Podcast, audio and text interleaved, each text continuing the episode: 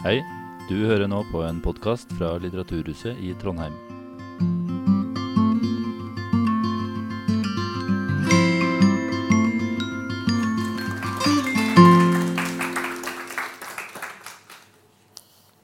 Grandma, one of the two characters in your novel, Grandma Diệu Lan, she flees uh, under the great hunger in the 40s with the kids. She has no money, no food. She begins to give away her children along the way. One after the other, she comes to Hanoi, start working as a servant, and she plans to, when she get enough money, to go back and collect them. Where did you pick up a story like that? Hi, everyone. Thank you so much for being here today. Um, I'd like to thank this beautiful House of Literature for hosting me today. I feel so much at home. What a wonderful name, like House of Literature. I think each house should be a house of literature. And thank you, Fartein, for interviewing me today. And it's my great honor to be speaking with you. Um, so this story of Grandma Diệu Lan is actually inspired by the real life story of the grandma of my friend, um, whose husband and brother were killed in the land reform in Vietnam, and uh, you know, um, and then uh, she she knew that if she stayed, she would be in danger. So um, she she uh, so my friend told me that um, overnight she had to take her many children and ran away to, to Hanoi.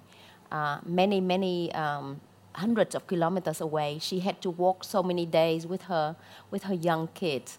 And when I heard such a story, I had to, I knew I had to do something with it because uh, this is real life history uh, which affects so many people in Vietnam nowadays and yeah. and I wrote this book and I got permission from I asked my friend whether I could you know use the outline of her of, of, of this incident but actually all of the characters in the novels are fictional but somehow they are inspired by by the, the true life stories of many people whom I interviewed mm. for this book uh, for a woman born in uh, 1920 is this a common Vietnamese story?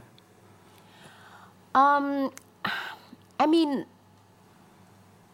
it is not a common story, but if you ask, if you ask any Vietnamese women born around that time, their life would be more than a novel. Mm.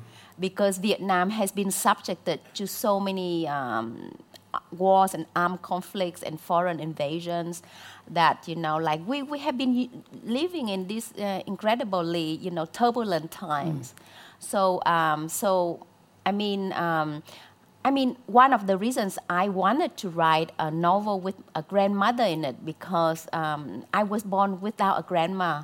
Both of my grandmothers had died before I was born.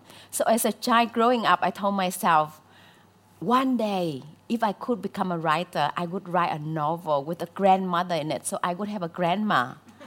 so, you know, like after the book's publication, quite a few readers wrote to me and said, I love your grandma Diệu Lan. And I felt so bad when I wrote them. I'm sorry, she's fictional. but she's true now, thanks to you. She's alive. Um, I mean, I, I, I felt very much the spirit of my grandmothers when I wrote this book. I felt that blessing. I, mm. um, I interviewed my, my relatives, my parents a lot about my grandmas. Uh, we don't even have their pictures. I don't know how my grandmothers look like. So um, uh, in a way, you know, this, this, this book is to pay honor to my, both of my grandmothers. She and the other women in uh, The Mountain Sing for a fantastic book. She and the other women in the book they're nothing like the stereotypes from Hollywood movies of Western fiction. Is your novel a response to the white gaze?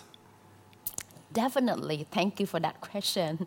Because normally, you know, um, in Hollywood movies about Vietnam, Vietnamese women are there uh, to be killed or to be mm. rescued by you know American men. Yeah. Um, so so this this this and, and normally we don't have uh, you know a chance to to tell our own stories to say what we think to stand up as uh, not as victims but as survivors. So, so you know, I, um, I, I wanted to write about Vietnam and the Vietnamese women as I know them. You know, I grew up in Vietnam. The first time I left Vietnam actually was when I was 19 years old when I went to Australia on a scholarship, and I returned and worked many years in Vietnam. So you know, um, so, so, so you know, growing up and, and, and, and spending many time, many years in Vietnam, I, I wanted to, to, to present Vietnam as a country as I see it is, you know, not as the mm. war, but as a country with more than 4,000 years of history and culture. And actually, um, my, my second book, Dust Child, has just been published this year. And hopefully I... Um, um, it will be published in into Norwegian as well. But you know, um, um, in this book, it's really a direct fight against Hollywood because mm. in in in this no, new novel of mine, you know, Vietnamese bad girls try to rescue American soldiers with Vietnamese poetry, and I had fun doing that. the girl in the novel, Hương, she's growing up surrounded by strong women. How about you? Hmm. Um, yeah, um, definitely. Um, I, my mom is, is really um, a very special person. Uh, she lost her parents when she was really young, but she's someone who's very hardworking, very hopeful. Um, she never gives up. You know, I remember, you know, like going to bed, she was working uh, she was she worked as both a teacher and a farmer, and you know when I got up, she was already in the field. You know, uh, she was working day and night, and she uh, wanted to make sure that her only daughter, being me, would would have the chance to go to school. Mm. So she she always told me, uh, your um, education is the key for your future. So don't ever think about quitting school, because you know, like I we had a lot of challenges um, in our life, and you know there were many times that I wanted to quit because you know. Um, there were many things that happened to our family, and and it could have been easy to quit and to, to help my, my parents with the hard work that they were doing every day. Mm. But she enabled me to see the long term vision, mm. uh, the need to, to, you know, to read and, and, and, and to study and to acquire knowledge. Yeah. And now you live like a nomad. You travel from Australia to USA, Bangladesh, Azerbaijan, and you write in English, the language of the most brutal colonial power in history. Still, your writing is genuine Vietnamese. Villages and landscape unfolds. People emerge. We smell the food. We feel the sorrow sometimes. We feel the joy was it difficult to protect the Vietnameseness while writing in English? Hmm. Definitely. Um, thank you for doing so much researching about me. you know so much. So actually, um, I, I have been, um, so you know, I, I did not want to leave Vietnam um, because I, I thought, you know, I make the best con- contribution when I live in Vietnam and I work there. But then I met my husband, who's with us today over there.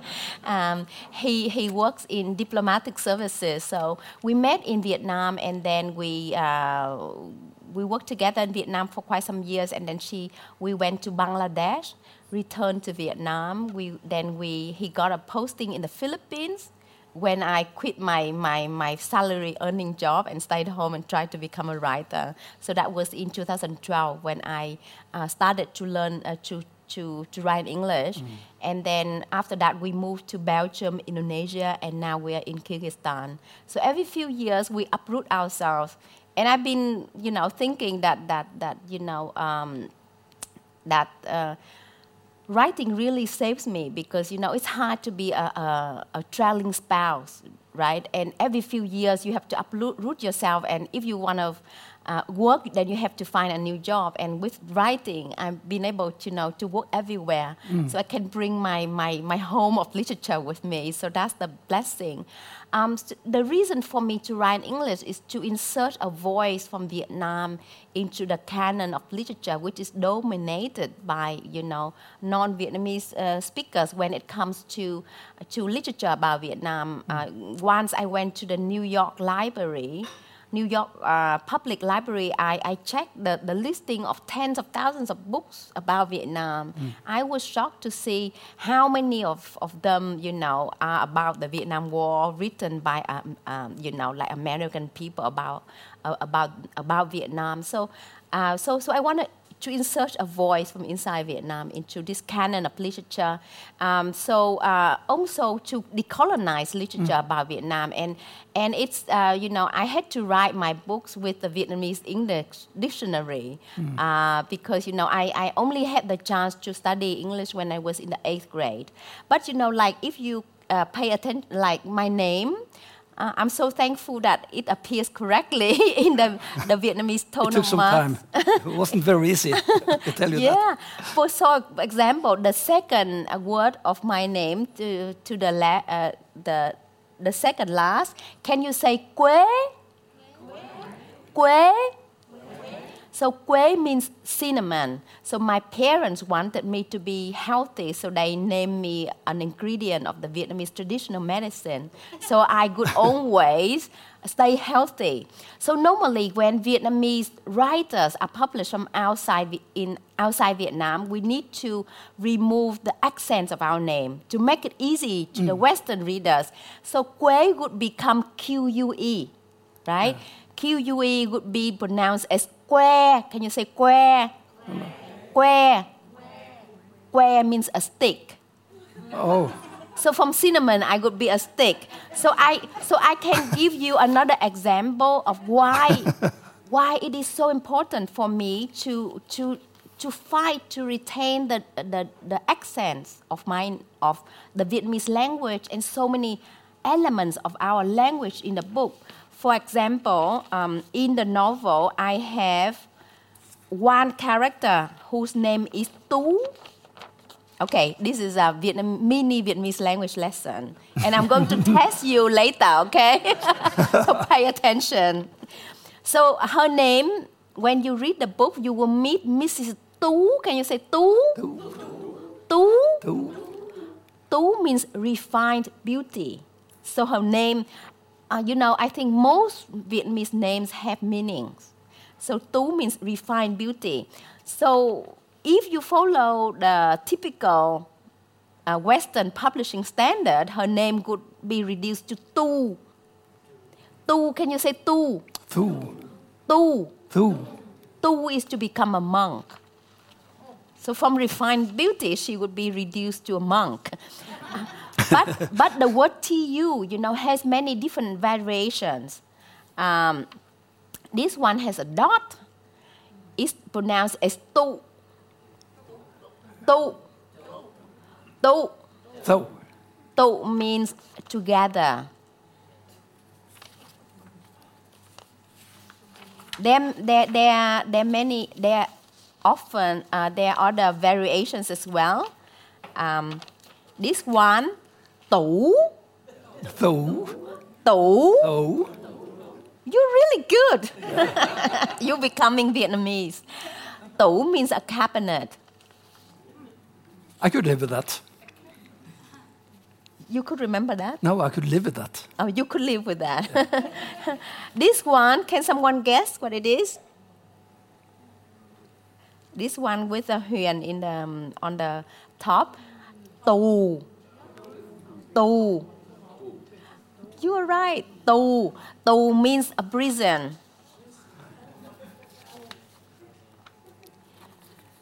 This one, this one, these are all real words. I'm not making them up. This, this, this one is tư. Two. Tư. Two. Tư is number four. This one is tự. So, Tự. Tự is by oneself.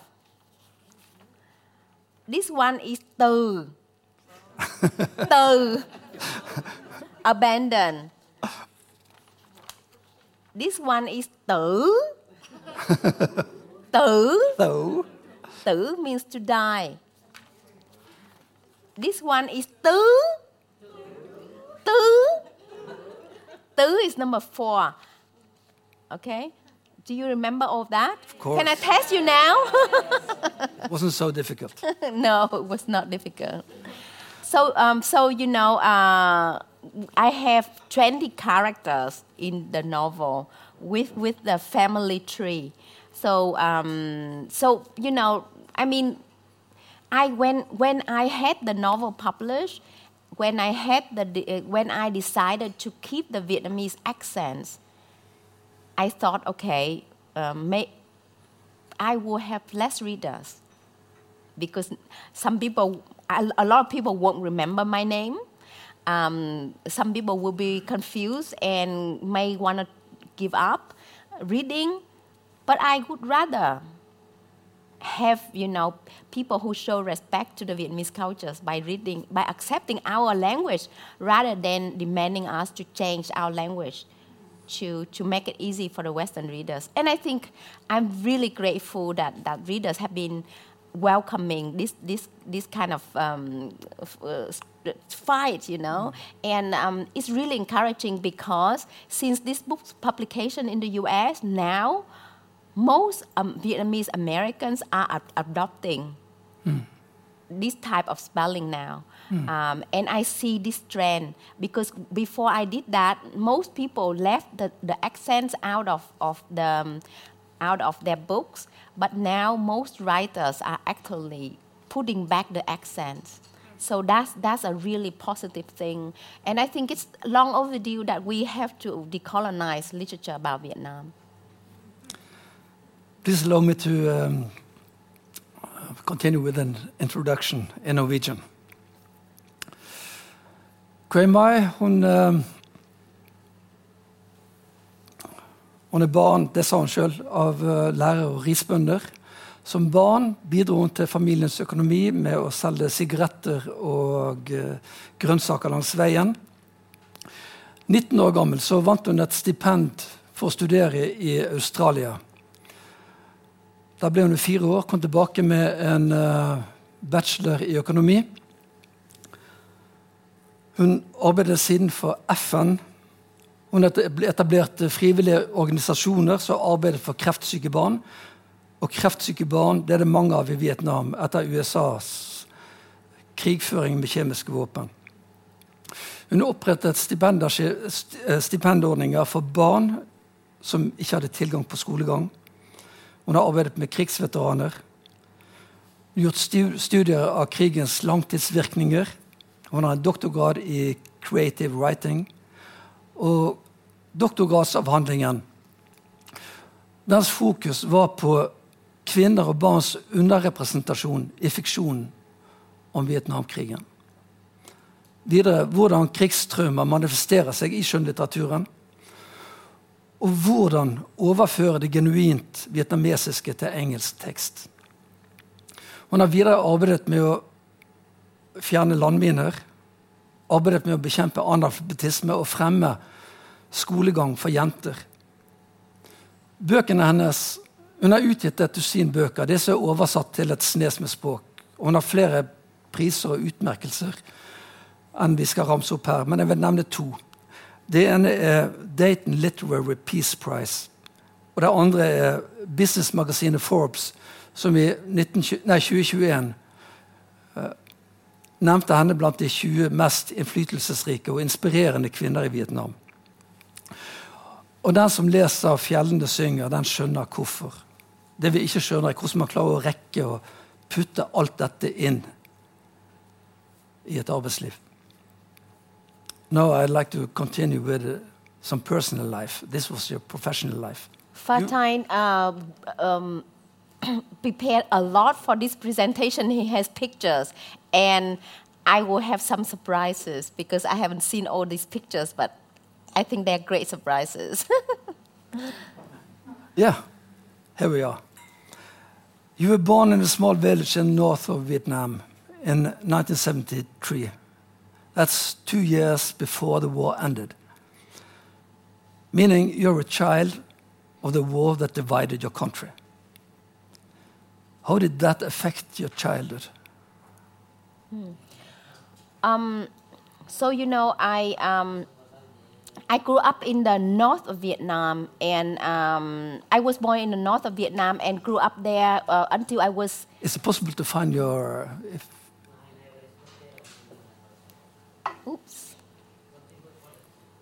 So I was. Um, I was born near Hanoi in the north. So Vietnam was divided into north and south. So this is north of Vietnam. So I grew up uh, in the north of Vietnam near Hanoi. Uh, and stayed there when I was around six years old. When then my family took a train journey to the very bottom of South Vietnam when I grew up here in Bạc Liêu. So you know, um, I remember when I was um, doing that train ride, I saw so many bomb craters. Yeah. It was the year in the year 1979. There were so many bomb craters uh, along the, the um, you know uh, the train track that I saw bomb craters that were big as big as rice fields. It was Yeah. ho- horrendous. So later on, I would uh, bring these uh, memories into the book, you know, uh, where I said uh, the, there were so many bomb craters. They looked like footprints of an, a flock of animals that had raced through the earth. And when I grew up, you know, in the south of Vietnam, I, um, in the very bottom south here, um, I saw, uh, we, you know, in the north of Vietnam, I saw many women who were waiting for the return of their loved ones. And my village was actually emptied of men. Men had gone to the battlefield. As you might know, millions of Vietnamese died during the war. Um, so uh, many men had gone to the battlefield and many hadn't come back. So the women of my village were waiting for the return of, of their loved ones. So when I went to South Vietnam, I saw women who were waiting for the return of their men as well. And in the South, you know, they were waiting for the men who had, you know, uh, fought alongside uh, the Americans, uh, the men, men who were imprisoned in re-education camps. So um, I, I could not have written this book without having grown up in both of these uh, parts of Vietnam and see how this division of Vietnam affected our country and our people.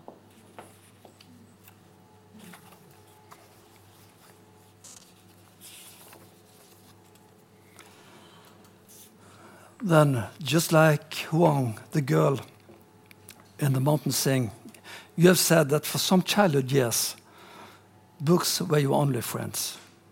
That because of literature, you could escape from desperation and poverty. Uh, why was that so?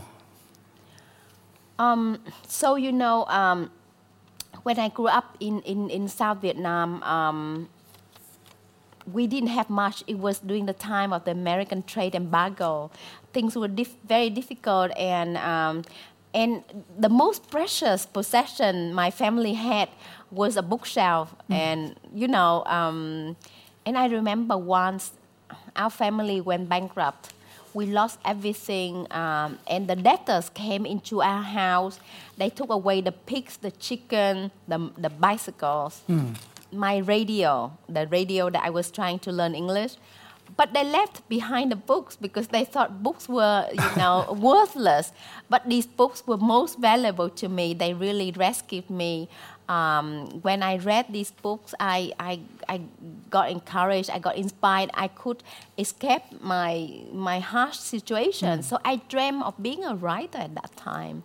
Uh, it was during that time that I wrote my, my diary almost every day. And imagine, I wrote my poetry. I wrote my diary in poetry. Oh, you did? Yes, uh, as a small child, I, I love poetry because like we we poetry is the pillar of Vietnamese life. The poet Phùng Quán uh, wrote this. Có những phút ngã lòng tôi vịnh câu thơ và đứng dậy. During moments of difficulty, I hold on to the verse of poetry to pull myself up. Yeah. So, um, so um, I listen to poetry from public radio for broadcast.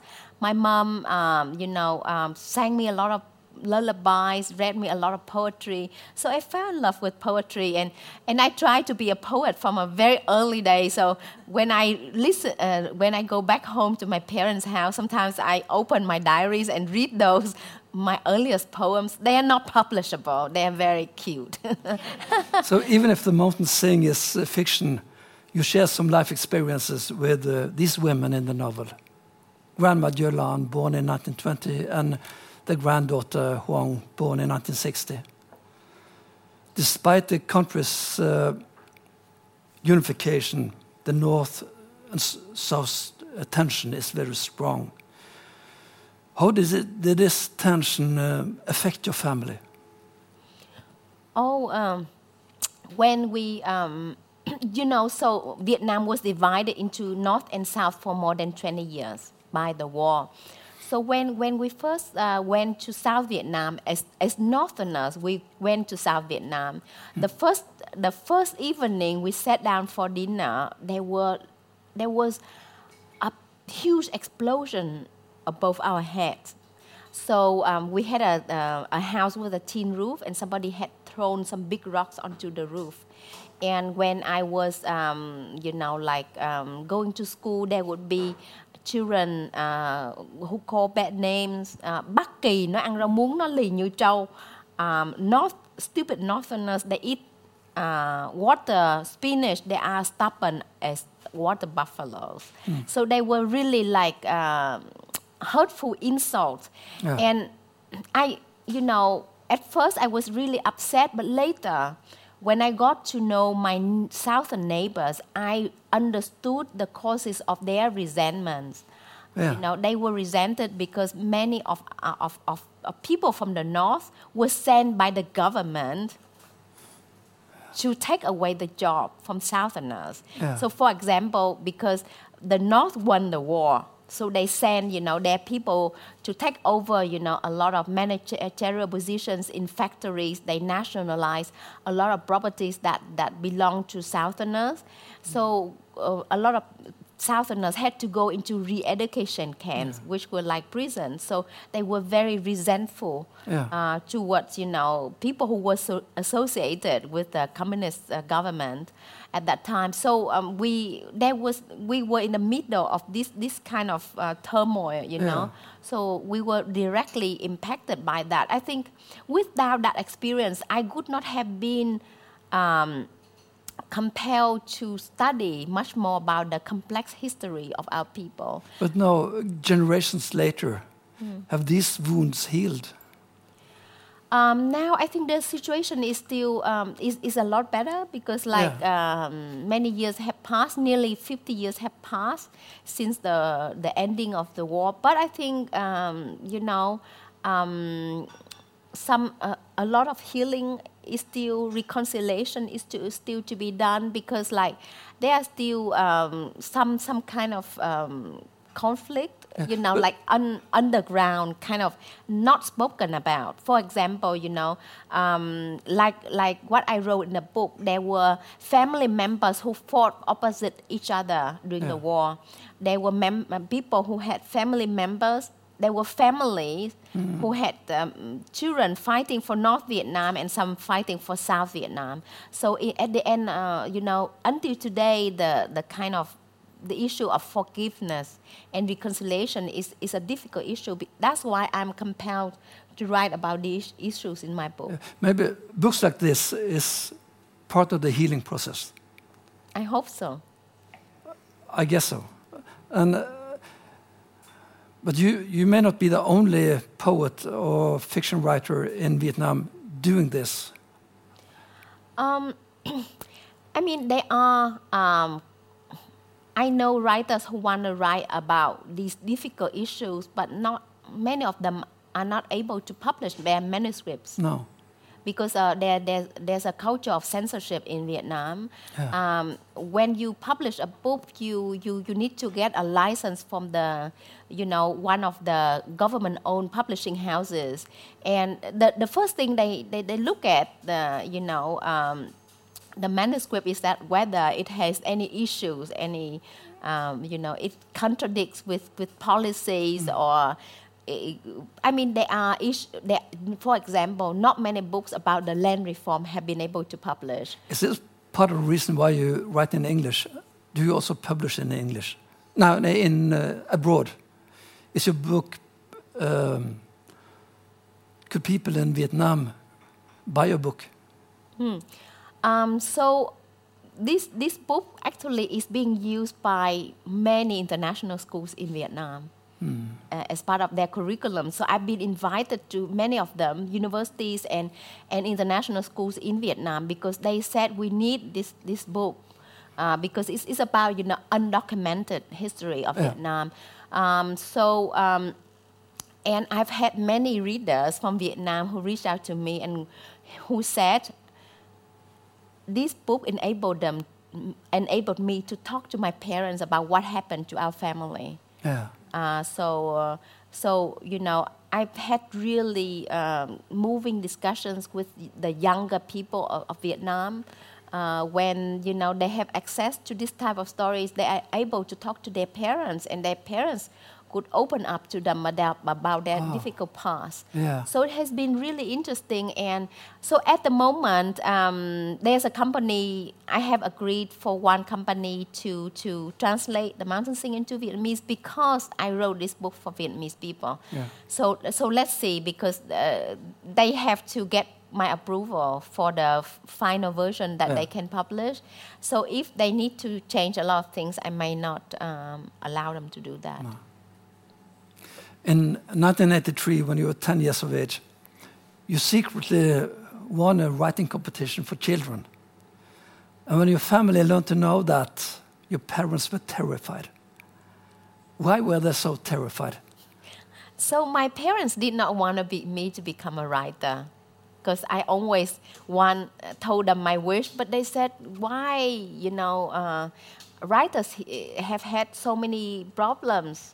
Uh, why do you want to have these problems yourself?" And and um, so, but I love writing, so I secretly, yeah, I did secretly. I, you know, you, he researched into me so much. Now I'm like scared what he found out. you can't imagine. so It's um, all on internet. So, um, so actually, I, I, I won um, that year. I won like um, um, kind of a, a school bag, a beautiful school bag, leather school bag that, that was sent to, to my parents, and they found out that I entered the po- uh, the, the writing competition. Still, here you are, celebrated poet, author of a very poetic novel. And you knew, did you already as a child research for a book like this? so you know, um, I, I as a child because I read a lot, I loved reading, so I was very curious about uh, what's going on uh, around me. For example, uh, I always talk to people whose family members were in re-education camp or people whose family had fled, you know, uh, on the boats to go to to other countries. So I so I was like, during that time, uh, sometimes some of my friends would disappear from our class. And rumors would say that they have fled with their family on fishing boats. And we heard at that time, we were not allowed to listen to foreign radios at that time in the 80s. It was forbidden. And it, w- the only uh, radio channel that broadcast about the boat people were like from Voice of America or BBC Vietnamese, and it was forbidden. And my two brothers and I would listen to it in secret. So we had someone had to guard, you know, the uh, the the entrance of the house to make sure no one came in. Um, but you know, we, we knew about the danger, and then people were still fleeing and knowing that they might die at sea. So I was very curious about their reasons. So I asked a lot of people what was going on. I always listened. I mean, I did not think that they were that I was uh, researching researching for such a novel, No. but I was actually doing that. I Yeah. was uh, learning, listening, um, you know, and quietly doing, you know, like learning and, and, and researching. Yeah. Your book uh, opens with the dedication for my grandmother who perished uh, during the Great Hunger, for my grandfather who died because of the land reform, and for my uncle whose youth the Vietnam War consumed. And it continues with, for the millions of people, Vietnamese and non Vietnamese, who lost their lives in the war. You wrote a book for both allies and enemies. Uh, the dedication it's ending with a prayer. May our planet never see another armed conflict. As we do, as if we do not see hundreds of armed conflict right now as we sit here. You know, utopia comes in multiple versions. You have the one that is forced upon you, like an ideology, communism, fascism, real religion. Second one is um, the utopia in fairy tales like Shangri-La and Neverland. Then you have the utopia, which I like to call a necessary utopia. This is the one we, it's expressed in the will to believe in love and kindness, the will to understand and accept uh, beliefs I do not share, peace, a utopia where people are free. Uh, this utopia is not uh, possible to realize, but nevertheless, we have to work for it. Seen from almost anywhere in the world, peaceful Trondheim, where we are now, is utopia. Mm. So, Quế Mai, and all of you, welcome to utopia. Still, this prayer may our planet never see another armed conflict. This is quite a brave thing to ask for, isn't it? Um, this is actually a, a, a, wish that I had as a child. I remember when I was um, around eight years old, I was standing on the road of my village. I was looking at the devastation around me, at the people who had lost their arm and legs and all the, you know, bomb craters. And I told myself as a child, the human race could not be so stupid as to wage another war. I actually told myself that. Yeah. And, and, and, and I thought, isn't that enough? You know, shouldn't humans learn from, from, from the lessons from this? Just look at this. Just mm. look at this. I was so upset. I was so angry. I have to tell you, what, one day, you know, I, I was walking to school. I saw a commotion ahead of me. Mm. And I ran there and I, I, I saw a body of a mother who hung herself on a branch of tree. Mm. And the people who, who lowered her, then later they told me that her two sons had gone to war and did not return. Mm. And she waited for them every day. She waited for them every day, hoping they would return. And, you know, because they did not, mm. her hope ran out and she feared the truth, so she, she, she killed herself, you know. And I mean, as a child, to witness that, that was really devastating to me. Yeah. And I could not understand why humans had to do that to other humans, you know. Oh. Is it like, uh, if not ask for the impossible, the impossible will not happen? I think it's possible for humans to work with other humans. Yeah. We are all children of Mother Earth. Mm. I think it's overdue that we learn how to work with each other. The pandemic has taught us that we are interconnected, you know. Mm. Something that happens in one, you know, very far away corner of the earth impacts us all. Mm. And I think um, I'm, sti- I'm very disappointed what happened during the pandemic and terrible things are happening, you know, how we're destroying our environment, mm. you know, we're causing you know, damage to because of climate change, all of these things we are doing. Um, so I think unless we know how to how to work with each other and help each other, mm. we'll make ourselves extinct. You know, that's my fear. Yeah. Then you have this agenda to bring to life the underrepresented women and children. You say that women and children must hide their sorrows to be strong for returning soldiers. Under such conditions, what are the consequences for women and children? I read a statistic somewhere that um, more women and children die because of wars and armed conflicts than men. Oh, Uh, so you know, like during the Vietnam War, the, the bomb, the bombings killed so many women and children. Um, you know, um, so so it's it's horrible, and I, I I found like I felt like even though this is not uh, merely a story about war, but you know, most books about wars are written by by soldiers who were there in the battlefield, Yeah. and I wanted to write in the perspective of women and children, how to show how wars really impact them. You know, to uh, to add to, to add a perspective into into the, this kind of literature. Um, so also because you know I, I, I grew up witnessing all of that, so I, I was you know like compelled to to write what I was feeling and what I knew and what I learned. I would like you to read a poem. Would you like to hear one of my poems? Um, I will. Um, so the mountain sing um, is inspired by real life experiences, including um, the life experiences of my grandmother. Um, you, when you read the book, you will. Um, there is a scene of uh, of Grandma Diệu mother who was killed in the Great Hunger of 1945, uh, she was at a cornfield, and this is what happened to my grandma. Um, and she died in the Great Hunger of 1945, when where nearly two million Vietnamese people died. Um, so, uh, would you like to hear a poem I wrote for her? Would you like to hear it in Vietnamese too? Please. I have Lệ, who is Vietnamese here. I'm really happy that she came today. I didn't know her before, but I'm glad to have a Vietnamese in the house. Thank you.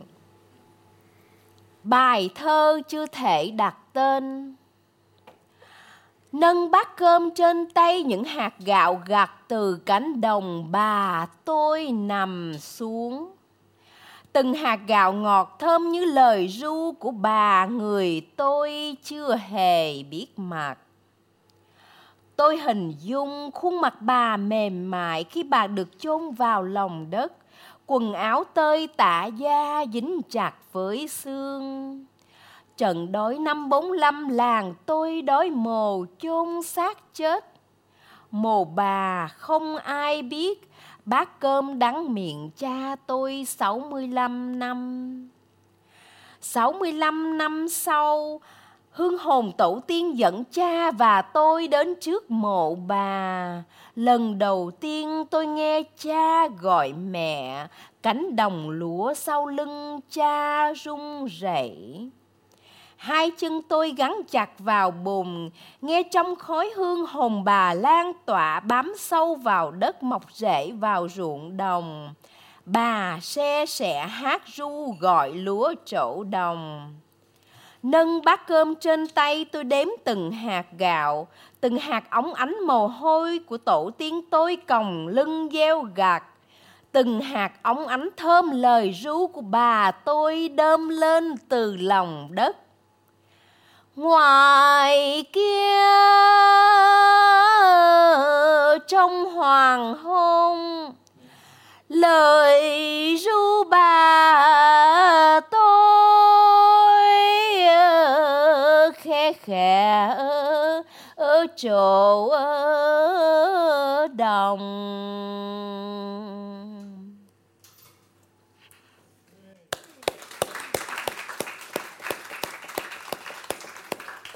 Understand it? Yes, I taught you Vietnamese, so. The poem I can't yet name. My hands lift high a bowl of rice, the seeds harvested in the field when my grandmother was laid to rest. Each rice seed tastes sweet as the sound of lullaby from the grandmother I never knew. I imagine her soft face as they laid her down into the earth, her clothes battered, her skin stuck to her bones. In the Great Hunger of 1945, my village was starved for graves to bury all the dead. Nobody could find my grandmother's grave, so my father tasted bitter rice for 65 years. After 65 years of searching, spirits of my ancestors led my father and me to my grandmother's grave. I heard my father call mom for the first time. The rice field behind his back trembled. My feet clung to the mud. I listened in the burning incense how my grandmother's soul spread, joining the earth, taking roots in the field where she quietly sang lullabies, calling the rice plants to blossom. Lifting the bowl of rice in my hands, I count every seed, each one glistening with the sweat of my ancestors, their backs bent in the rice fields, the fragrance of my grandmother's lullaby alive in each one. Thank you.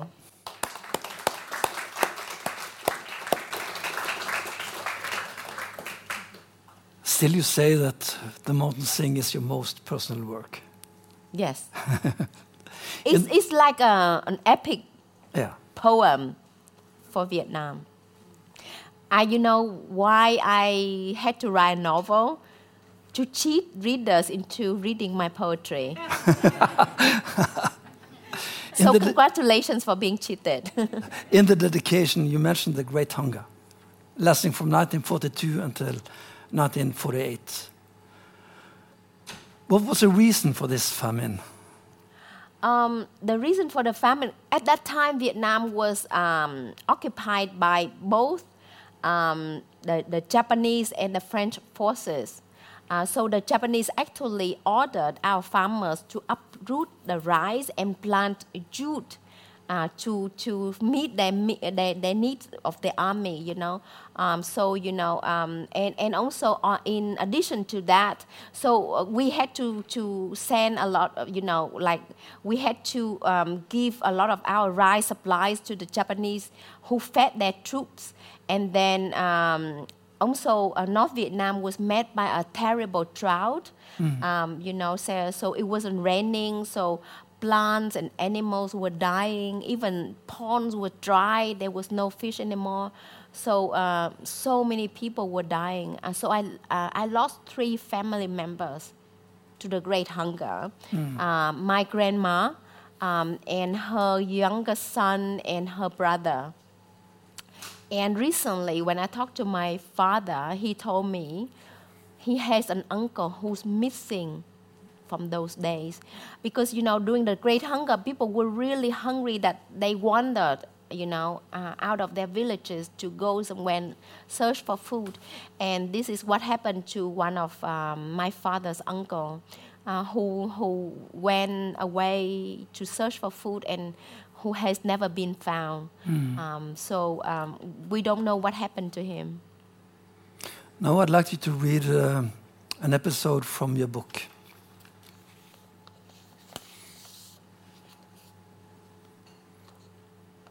This is uh, from page um, 324 of The Mountain Sing. in English edition. When Uncle Minh died, I took my notebook to the back of the house. Squatting on the ground, I wrote for an uncle I had been robbed of, who was a leaf pushed away from its tree. But at its last moment, still struggled to fall back to its roots. I wrote for my grandma, who had hoped for the fire of war to be extinguished, only for its embers, only for its embers to keep burning her. I wrote for my uncles, my aunt, my parents, who were helpless in the fight of brother against brother, and whose war went on regardless of whether they were alive or dead. Hương, uh, the girl, she wonders why foreign armies invade her country all the time. First Chinese, Mongolians, the French, Japanese, and now Americans. I guess this also uh, was you wondering as a child. Did you ever get an answer to that? Um, an answer to that. I mean, the, the sad reality is that, you know, um, all these uh, powerful countries, you know, they wanted to colonize smaller countries. So uh, throughout our history, you know, I mean, we have been, you know, dominated or occupied mm. by, by many foreign armies. So uh, first the, the, the Chinese, Mongolians, the French, the Japanese, mm. the American. So, uh, so it's you know it's um, had a lot of um, their occupation uh, left a lot of devastating impact onto our mm. our land. Um, I think I, I, I don't know I don't have or, or the answer to, no. to my questions and I hope it will uh, never end, uh, you know happen again that that we're occupied by the foreign, foreign armies once again. Um, yeah, but but I think uh, you know uh, both of my books are my fight against the colonization mm. of Vietnam. You know, in in in my second novel, I made f- fun of the, the colonizers. I wrote this about the French who who occupied our country for many decades. When France invaded Vietnam, they brought bread. We took the bread and made it better. if you have eaten Vietnamese bánh mì, Vietnamese sandwich, I, I hope you agree with me. that is better than French sandwich. this is, shows the Trần family, family tree in your book. When speaking about the bad person, Grandma gives a saying He who sows the wind will reap the storm. And this is not the only proverb in the mountain sing. Then literature from Africa, India, Afghanistan, Caribbean, books from the south seems to be sprinkled with old sayings. Cultures where oral tradition is stronger than it is up here, up in the north. Do you see a connection between the richness of proverbs and the oral tradition? Oh, definitely. Uh, you know, the proverbs are are the oral ways of storytelling. Uh, mm. I think it's uh, you know a lot of proverbs are the wisdom of the older generation who want to pass on to the younger generation. Yeah. For for example, when I was growing up, you know, um, if my my two brothers and I were really naughty, and my father would get upset, and then my mom would, would, would you know tell this proverb, mưa dầm thấm lâu soft and persistent rain penetrates the earth better than a storm. So my father would say, think, reflect, and say, okay, I should be a persistent rain to my ch- children, right, mm. rather than a storm. So I would, you know, be more effective. Uh, so also, you know, if I come home and I've had a bad day and I get really upset and frustrated, my mom would say, ah, um, trong cái rủi có cái may. Good luck hides inside bad luck. So I would immediately feel better. So uh, when I wrote uh, my books uh, these proverbs naturally came you know into my writing yeah. Uh, because it's, it's a, a, part of our daily life. Yeah. You said that uh, in Vietnam uh, the official viewpoint is that we won the war, so there is no trauma. But did not Vietnam win the war? I mean, um, the I, I, grew up, um, you know, uh, learning um, from my textbooks that we won the war. That you mm. know, uh, we defeated more many powerful foreign armies. Um, so, so the official viewpoint is we won the war. Mm-hmm. Um, um, so um, you know, I can give you an. That's why you know the the the a lot of trauma is unrecognized in Vietnam yeah. because the official viewpoint is that the war should be glory, should be victory, should be joy. You know, because we won it.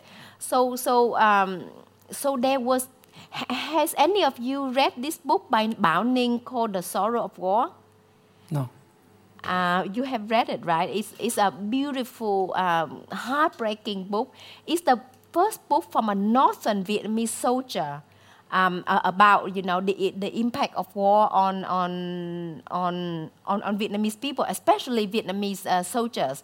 So this book was actually banned Yeah. in Vietnam because, uh, you know, they said, okay, this is, um, we won the war. There should not be sorrow. There should be celebration. So when, uh, when the book was allowed to be published again, the author, they made the author change the title. So the title was Nỗi buồn chiến tranh. He, the author had to change it to Thân phận của tình yêu. So the new title is The Fate of Love. From the sorrow of war to the fate of love. what a what a change, right? But it took many years for for the author to reinstate reinstate, uh, you know, the the original title. So now the, the, the, the book has been published again under the title The Sorrow of War. Yeah. Grandma Diệu Lan, she, uh, she works as a teacher. Then she, she quits her job because, as she say, she won't brainwash the pupils with propaganda. How did she or anybody avoid being brainwashed? by reading banned books. my my parents actually um, were reading uh, were having some banned books, you know, books that ha- that were prohibited um, on our bookshelf, and and I, I I think it's easy, you know, it's so easy to be brainwashed. I mean, I think with any um, in any situation, especially under a war, you know. One of the weapons of wars is propaganda, and, and I think uh, if you read literature, you, you kind of get to hear perspectives from different people, um, you know, and, and get to know the different people's perspective. So, so um, yeah, so, so I think it's, it's important to do that. Yeah. And I guess the same authorities that banned books also uh, established the re-education camps. Please tell us what was this re-education camps? Um, so, so um, in South Vietnam, there were soldiers that uh, that fought for the Southern Vietnamese um, army alongside with the Americans. So after the war, um, a lot of these soldiers were uh, put into re-education camps. So the purpose of re-education camps were to re-educate people right? So that they could return good citizens from bad citizens to good citizens. So actually, you know, the name sounds really positive. So we were told that this were good for pe- for these people, but actually, uh, you know, I heard then, you know, behind closed doors, really horrific stories of what happened to people who went to re-education camps. Yeah. In uh, April uh, 1975, the Northern Army took Saigon. The war against America had ended. Yeah. Vietnam was united. People were singing and dancing and twirling flags. But the Trần family in the book, they are not celebrating. Why was that?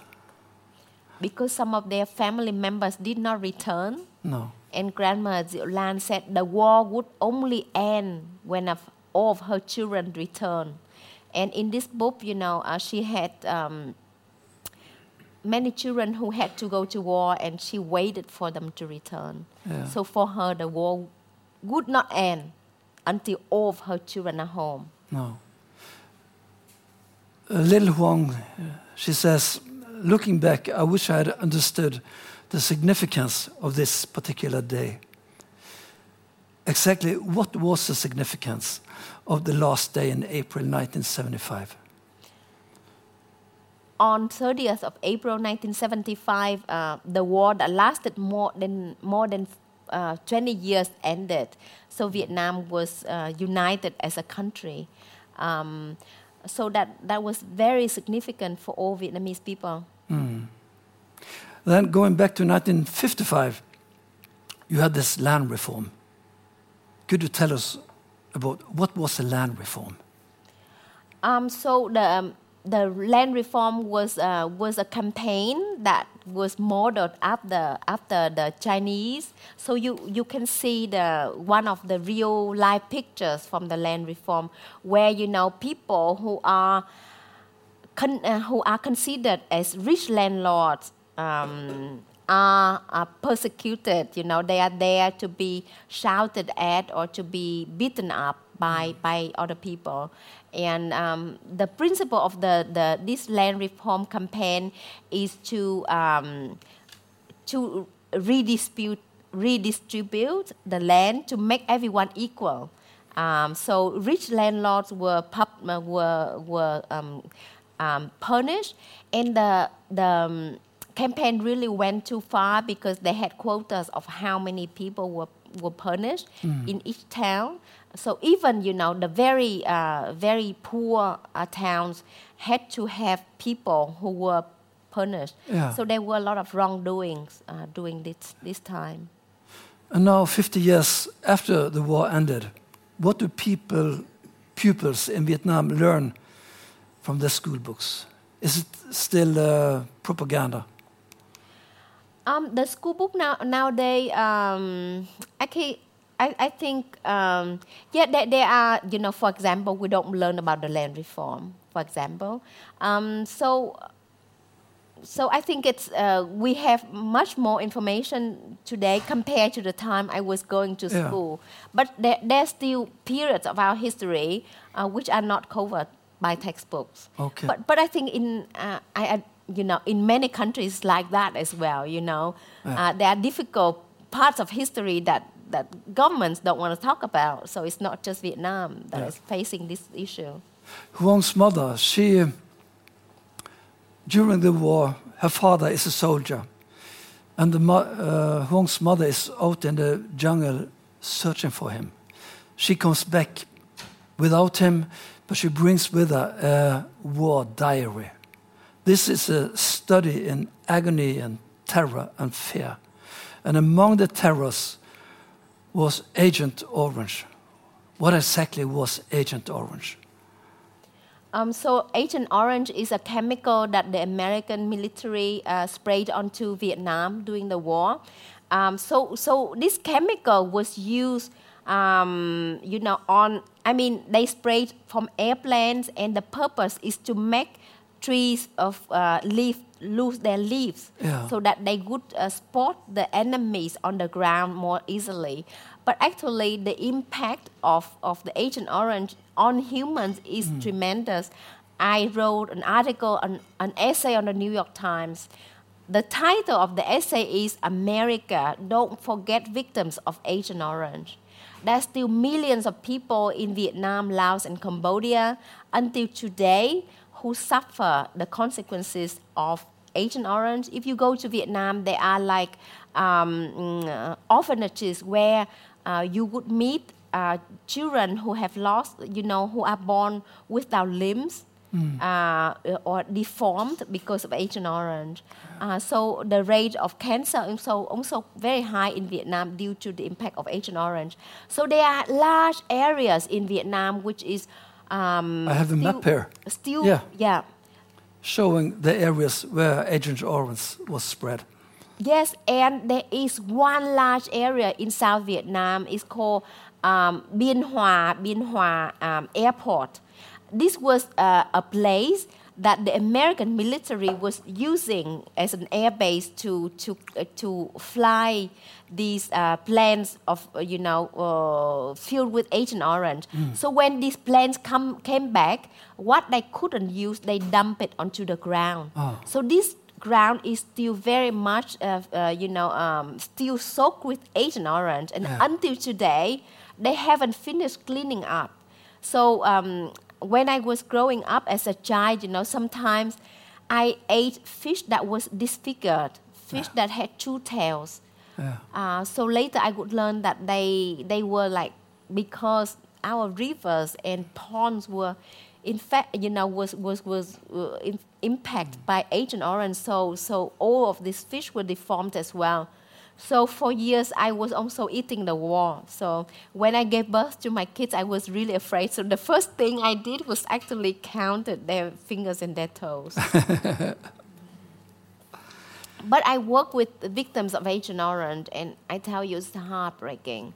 It's heartbreaking. I know this this mother. Um, one day, I, I I volunteer at this orphanage, and and and she she came to me, and and after I was leaving, she she hugged me and she cried, and she said, "Do you know how painful it is for me as a mother who cannot take care of her own son?" Uh, so you know her husband went to war and came home and, and was really sick with agent orange and she gave birth to this child who's so deformed you know she cannot care for her uh, um, for him because it would require 24 hours per day and she needed to work so she needed to put him into an orphanage in hanoi and this orphanage is called the friendship village in hanoi um, so I, I volunteered there for quite some time. Yeah. Many of your characters, if not all, are traumatized. But official Vietnamese politics proclaim there is no trauma. Why this denial? Because the official viewpoint is that we won the war, Yeah. so there's no trauma. So actually, uh, when I one of my PhD research questions is is about the the, the trauma and PTSD and how to fictionalize it into fiction. And I was like researching on the research that has done on PTSD and trauma on the Vietnamese population. And I found a very small study that, that, that show, you know, how people was impacted by the war. But actually in the US, there was just there have been so many studies done on on veterans and the psychological support that need to to be uh, you know given to them to help them.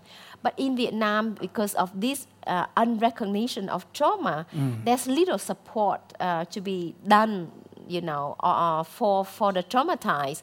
So normally the traumatized people are seen as possessed by ghosts, as crazy. So they are very much stigmatized. So I feel as a as an uh, as an author, uh, I have this duty to make you know the conversations uh, to normalize conversations about trauma because unless you can talk about it openly, you can't heal, you can't communalize it. Yeah. May I once again uh, return to your initial dedication to the necessary utopia? May your planet never see another armed conflict. Against the backdrop of uh, dark suffering, you have written a book full of hope, full of light, dedicated to hope.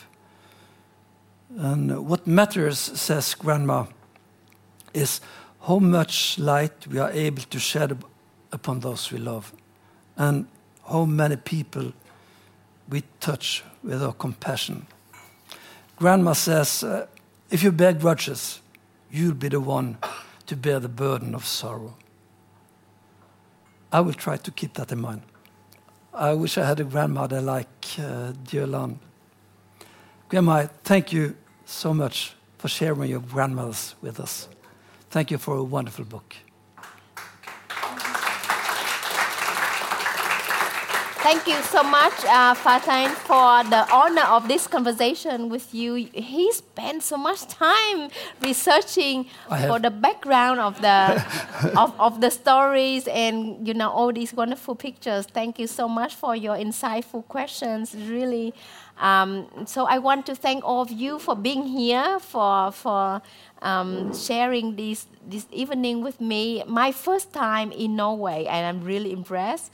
I walk, I had a walk uh, around this afternoon, and I love this town, and it's my great honor to be here. I want to thank this um, House of Literature of Trondheim for having me here today, and a special a special thanks to uh, Eve, my um, publicity director from my publishing house, for being here. Um, so, thank you everyone for your kind help. Thank you.